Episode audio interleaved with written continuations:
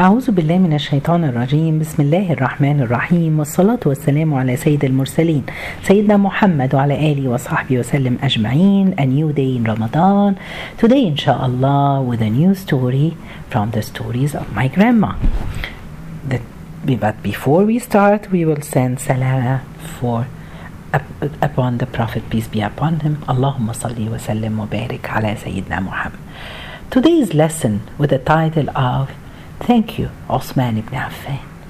What is this title? That's strange. Okay. My grandma always liked to tell a story. Stories about a lot of the companions, about the Prophet and the companions. Why did she always tell us the stories of the It's not just my grandma. I think everyone, even at school, our teachers, she used to tell us stories about the companions. Why especially the companion of the Prophet? Because those are the people who believed in the Prophet, peace be. Those are the people who supported the Prophet. Those are the people who made Islam, spread Islam everywhere. So it's very important to learn, from their life. It has an effect on our life. And this is why we always, the Prophet used to gather the, peop, the people his friends, his companions, telling them about stories of the people before them. And it's the same for us. It's very important to learn about the Sahaba. Today it's going to be the story, it's different. I, after my grandma told me a lot of stories about Osman ibn Affan, and I, one day, I started to reflect about his story. He had a great personality, and I've learned a lot from him. And today, I'm going to thank Osman ibn Affan by mentioning some situations that happened in his life that I've learned a lot from him. So let's start. I will start to thank Osman ibn Affan because when I read his biography or I heard his life story from my grandma, I've learned that, subhanallah, he was one of the first people to believe in Allah when Abu Bakr Siddiq called him to believe after Abu Bakr believed in Islam. He was one of the first people to believe after Abu Bakr Siddiq. Abu Bakr went to him. Why do you think Abu Bakr went to him and called him to believe in Islam? Because they are good friends. He knows his heart that he will believe. He will see the truth and he will believe in it. So, subhanAllah, this is, I've learned from this that Abu Bakr and Osman, they were great friends, and he was the first one to come to him. And we were talking before about the love for the sake of Allah. This is a great example. When he, Abu Bakr knew something, he went quickly to Osman so to pass the knowledge that he knew. The second thing, I would like to thank Osman ibn Affan because what I've learned from his life is that the most important thing is not where you live, it's what do you believe in. Osman ibn Affan, he was the one who migrated twice. He left his country, his city, the place he was born and he loved, but just he left everything for the sake of Islam. The first one time he migrated to Habasha and the second time he migrated to Medina. Thank you, Osman ibn Affan. From your story or your biography, I've learned that, subhanAllah, the hearts are open because people loved you.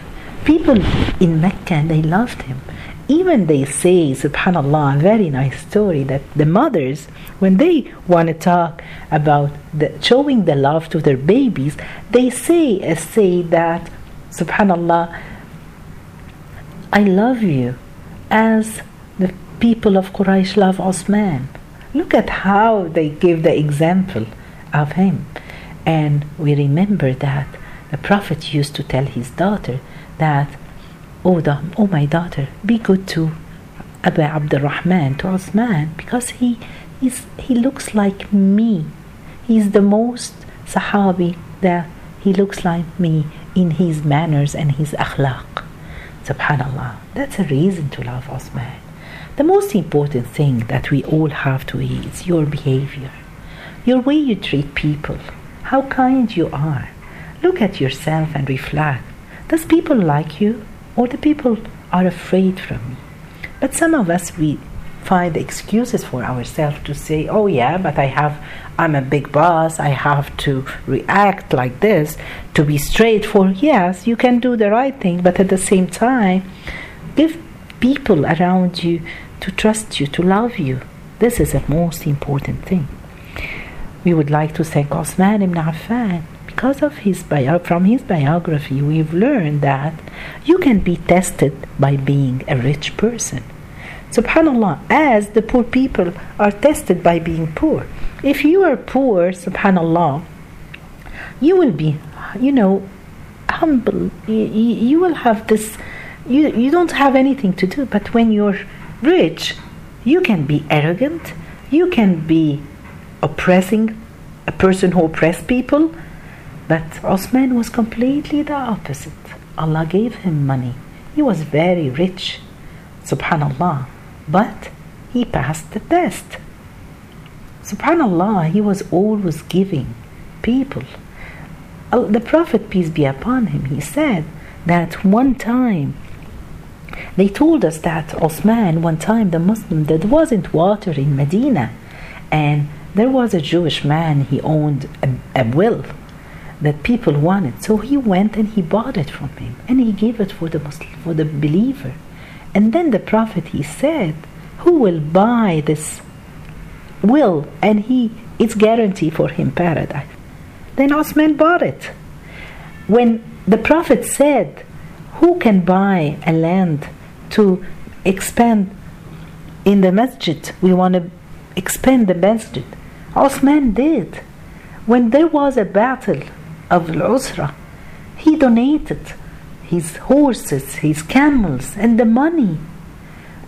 All this, he did all this just for the sake of Allah. Why? For paradise. So, my question to myself and to you guys what do we do for paradise? What do we do? What do we spend just looking and forward to accompany the Prophet in paradise? So, all these things you have to question yourself. All these examples, they existed. And we would like to thank Osman ibn Affan. Because of him, we learned all this. Subhanallah. Uh, uh, another thing we would like to thank Osman ibn Affan by reading his biography. The person who take care of his wife, no matter what is happening, because she was sick at the time of Battle of Badr, he didn't go he stayed with his wife. Can you imagine this? Nowadays, we don't see this a lot, except the good believers, the good people. Then, inshallah, will go to paradise and accompany the Prophet. When this happened, and he stayed and he didn't go with the companion to the Prophet, then Allah subhanahu wa ta'ala knew that he was doing this for the sake of Allah. Then Allah rewarded him back when the Prophet came back from this battle. Allah subhanahu wa ta'ala, the Prophet gave him a part from the ghanaim that they got from after they won the battle and he distributed and he gave him a part of it. This is so my question to you guys. What is your feeling when your husband or your wife they're sick? Nowadays, unfortunately, we see people they're busy with their life they say okay take the medicine and they leave. They don't even support them emotionally. They don't make them feel that they are a big support. So we have to learn this from Osman. Subhanallah. Uh, we want to thank Osman because we've learned that as Muslim we should be appreciating the help of other people to us. If somebody helps you, you have to uh, uh, support, or you know, you have to know that I, I, I would love to pay it back, even by thanking him, by uh, you know, because this happened with him when he went to Mecca as a messenger of the Prophet in Sulh al Hudaybiyah and uh, one of the of the non-believer. He was a, man, and he supported uh, Osman. And then on the day of Fath Mecca, when the Muslim they went to Mecca, Subhanallah, he supported him back. Another thing, and which is the last thing, I thank you, Osman, that I've learned from your biography that whatever you spend your life, how you spend your life, it will stay, you will find it. That's how you will, subhanallah, uh, you lived your life loving the Quran. You are the one who collected the Quran and you wrote the Quran because at the time when Huzaifa ibn al-Yaman he, he came to him when he was the leader of the Muslim nation and he said you have to save there is a lot of different people coming to Islam from different culture different religion the Judaism and uh, Christianity, and we don't want to be like uh, and subhanallah, we don't want to be like the Christian and the Jews that their books had been changed. So what did he do? He collected the Quran and he wrote and he destroyed all the other. Until now, till this moment, we most of the Quran that we have, it's we call the Rasm al Osmani because it's because of him till now. So this is our lesson of today. We have to reflect and see how we appreciate what we have learned from the life story of Osman. جزاكم الله خير سبحانك اللهم بحمدك أشهد أن لا إله إلا أنت استغفرك وأتوب إليك